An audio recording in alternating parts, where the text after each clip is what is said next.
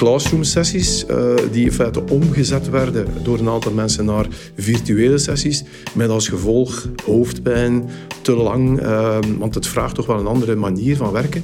Wat ik hier op kantoor doe, dat kan ik even goed van thuis uit doen. Dus de toegevoegde waarde die ze moeten beleven, uh, die zal heel belangrijk zijn, ook voor het leren.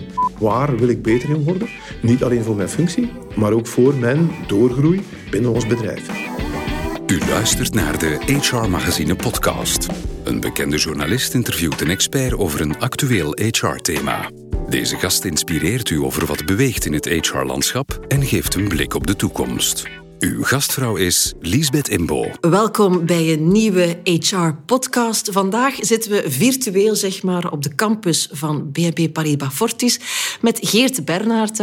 Welkom Geert, verantwoordelijke voor Learning and Development binnen de bank. Ja, ik neem aan Learning and Development, dat is ook bij jullie vooral een, of uitsluitend een virtueel verhaal op dit moment? Op dit moment zeker. We hebben een tijdje gehad, eh, een aantal maanden geleden, dat we terug op onze campus konden uh, lesgeven. Maar dat is heel beperkt geweest. Ja. Voor corona hadden jullie dan ook een digitaal aanbod? We hadden voor corona een uh, sterk uitgebreid digitaal aanbod. Uh, eigenlijk in uh, begin 2019 hadden wij met onze partners die opleiding geven, externe, maar ook de interne trainers, afspraken gemaakt rond het digitaal aanbod, voortrajecten die digitaal waren. En dan inderdaad Classroom om het toe te passen. Dus wij waren eigenlijk heel ver gevorderd. Ja. En we waren, we waren klaar voor COVID, corona. Uh, la, laat ons zeggen. Een van de weinigen die dan klaar waren voor corona. Um, maar ik neem aan, op dat moment toch nog de combi, hè, zoals je zegt. De bedoeling was hè, de combi te maken. Hebben jullie dan tijdens corona dat digitale pakket, dat virtuele uh, trainingsprogramma enorm uitgebreid? Uh, we hebben het eigenlijk uh, enorm uitgebreid, omdat onze interne trainers. Uh, een aantal onder hen waren nog niet zo ver gevorderd met digitaal aanbod. Dus die hebben we heel snel geholpen om, om dat te gaan doen. Zagen die dat een beetje zitten? die, die zouden het niet gedaan hebben zonder corona, denk ik. Dus er was geen alternatief. Um, we hebben hen een stukje moeten overtuigen, een stukje ondersteunen. Maar een groot deel was al die weg opgegaan. En dat heeft ervoor gezorgd dat we, dat we het konden doen. Hè. Maar um, uiteraard altijd in combinatie met uh, fysieke classroom-sessies ja. uh, in ons trainingcenter. Um, na corona, dus bij de start van de eerste uh, lockdown... Ik denk dat wij na de paasvakantie waren wij klaar met onze eerste groepen, die ook synchroon remote uh, dus les echt kregen. virtueel toch samen? Ja, ja, want dat was denk ik uh, het grote verschil met vandaag. Uh, classroom sessies die in feite omgezet werden door een aantal mensen naar virtuele sessies met als gevolg hoofdpijn, te lang, uh, want het vraagt toch wel een andere manier van werken. Maar in elk geval uh, hadden we toen al een goede mix met uh, digitale voortrajecten, pauzemomenten om nog iets door te nemen individueel, terug samen ja. aan het werk te gaan. Ehm, maar dat waren echt onze opstartdagen. Dus ehm, zoals gezegd, we hadden daar het geluk dat we er al goed aan gewerkt hadden. En eigenlijk een groot deel van onze trainers ja. uh, kon instappen. Een ander deel heeft ons dan na de zomer uh, van 2020 vervoegd. Omdat men ook zag, oké, okay, corona, corona dat zal hier nog even duren. Hè. Wie had dat gedacht? Uh, maar die dan ook zijn ingestapt en hebben heel veel acties ja. genomen om met hen te werken van hoe kun je dat nu beter aanpakken. Ja, ik hoor jou wel zeggen, in het begin deden we dat nog eigenlijk een beetje de letterlijke vertalingen, van we doen dat normaal in groep in het trainingscentrum en nu in groep virtueel, hè, met de Zoom of weet ik veel. Daar zijn we dan voor een stukje van afgestapt? Wat we gezien hebben is in feite dat het... Um, de, de Zoom-hoofdpijn of de Teams-hoofdpijn, uh, ook van vergaderingen. We zagen dat eigenlijk onze trainers uh, probeerden uh, remote te doen, op afstand, wat ze eigenlijk fysiek in een classroom deden. En dat is natuurlijk veel te belastend. Hè. Dus wat we gezien hebben, iedereen heeft geleerd om daar kortere sessies van te maken, breaks te plannen met individuele voorbereiding. En wat ik nu zie, is dat er veel meer uh, als we nu de remote sessie bekijken, is er veel meer asynchrone voorbereiding in, uh, die je tussentijds doet of vooraf doet. Uh, of bijvoorbeeld na een sessie een voorbereiding van een vervolg morgen. Ja. terwijl dat in die eerste dagen, dat, dat, dat, leek soms een volledige dag. Ja. en dat was te overweldigend.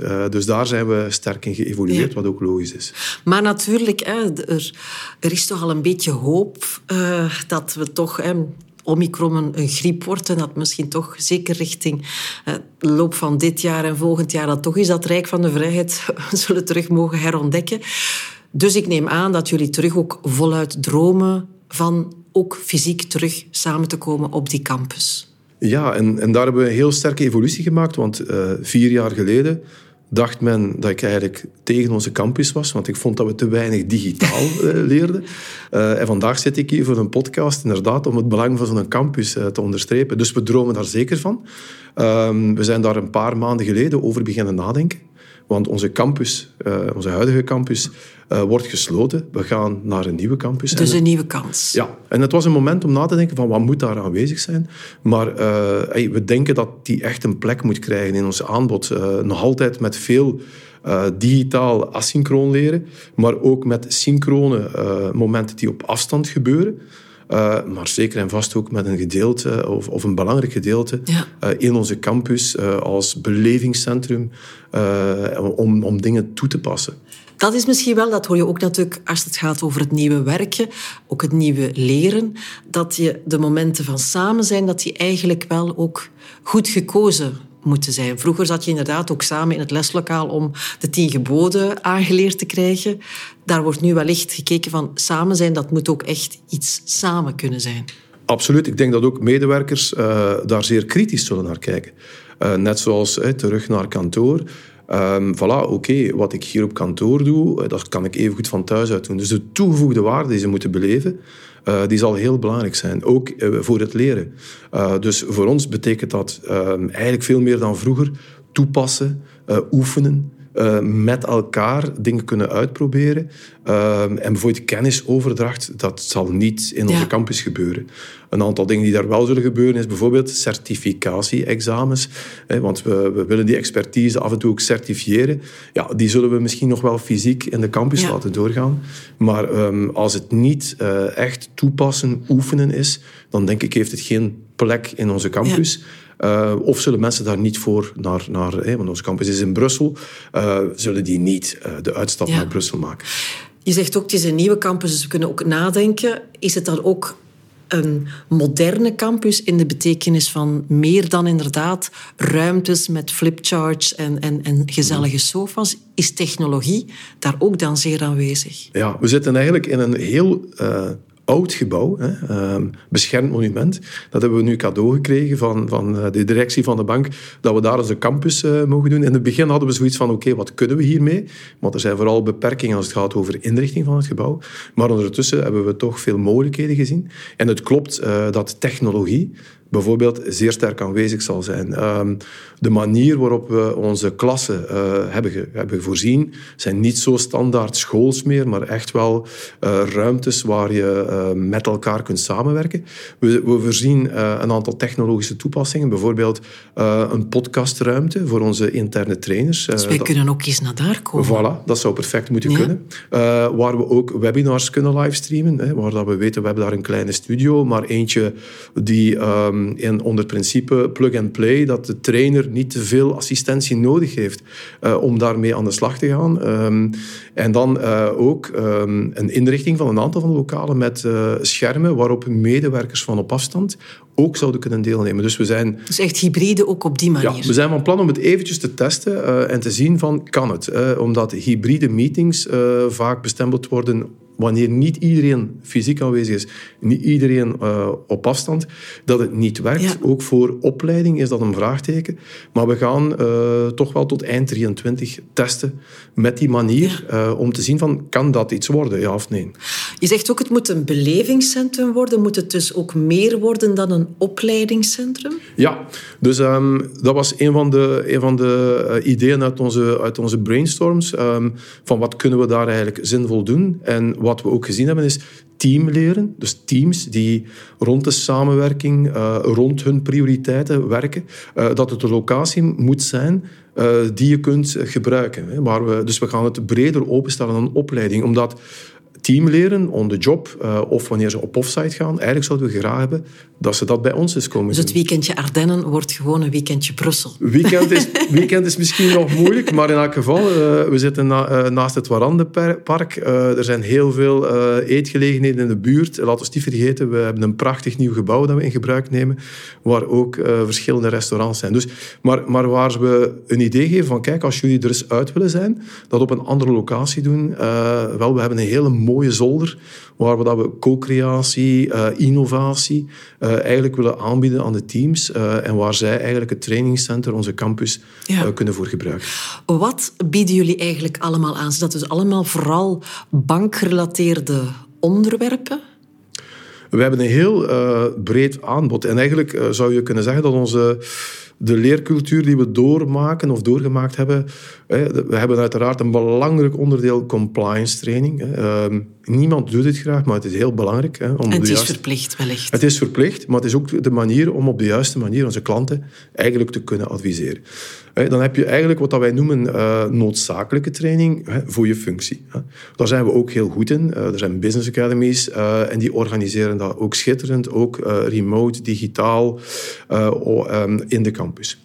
Uh, en dan heb je natuurlijk, en, en daar zitten we al voor een stuk, uh, zelfgereguleerde training. Mensen die nadenken over eh, waar wil ik beter in worden. Niet alleen voor mijn functie, maar ook voor mijn doorgroei binnen ons bedrijf. En eigenlijk, daar zien we toch meer en meer triggers dat mensen beginnen zoeken of dat we hen helpen om te zoeken. Hè. Dat we eigenlijk een aantal stimuli uitsturen rond thema's waar ze dan eigenlijk beslissen ik neem het door of ik neem het niet door. Want hoeveel aanbiedingen hebben jullie eigenlijk? Spreken we over een paar honderden, een paar duizenden cursussen die je zou kunnen volgen? We hebben eigenlijk uiteraard een aantal uh, programma's uh, die je dan synchroon met anderen uh, kunt volgen. Maar bij die programma's hebben we meer en meer digitale modules toegevoegd. Ehm, sommige waarvan we verwachten dat je die doorneemt. En anderen die eerder zijn van oké, okay, ik heb nog even meer zin om ze door te nemen. Of ik wil er nog meer over weten, ik neem die door. Voor en na het traject. Maar ik denk als we naar onze digitale oplossingen kijken, dat we er 8 à 10.000 hebben.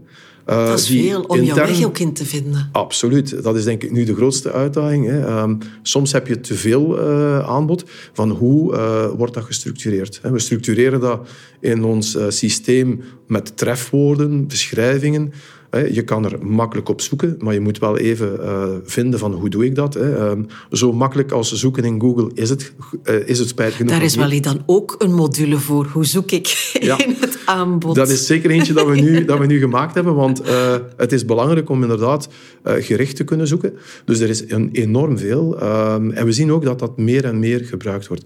De grootste vijand um, voor medewerkers in ons bedrijf, maar ook in andere bedrijven, dat is tijd. Niemand heeft tijd om te leren. Want we hebben natuurlijk wel heel veel dingen te doen. Uh, maar het is een kwestie van prioriteit. Uh, en daar werken we toch ook heel sterk op. Uh, en ook um, misschien de tijd die jouw collega's of jouw baas jou ook willen geven daarvoor. Want het kan misschien wel zijn dat ik vind, ik wil dat bijleren en dat interesseert mij. Maar inderdaad, we hebben een paar grote projecten. En dat ik in mijn omgeving merk van ja, maar Lisbeth, maar daar ga je nu toch geen halve dag uh, voor uitrekken. Ik zeg maar ja. wat. Wel, dat hebben we ook gezien met, uh, met dat blended learning en ook het digitale leren. Um, er wordt meer geleerd, maar korter. En wat je ook ziet, is dat dat makkelijker inpasbaar is in je drukke agenda. Hey, als je inderdaad zegt, ik zou graag een opleiding volgen en tja, dat duurt twee dagen, wat dat tegenwoordig niet meer het geval is, maar het duurt een volledige dag kan ik daar tijd voor uittrekken? Um, en we merkten dat mensen daar soms wat uh, eigen weerstand hadden, of misschien meer weerstand uit de omgeving van oké, er moeten ook nog dingen opgeleverd worden.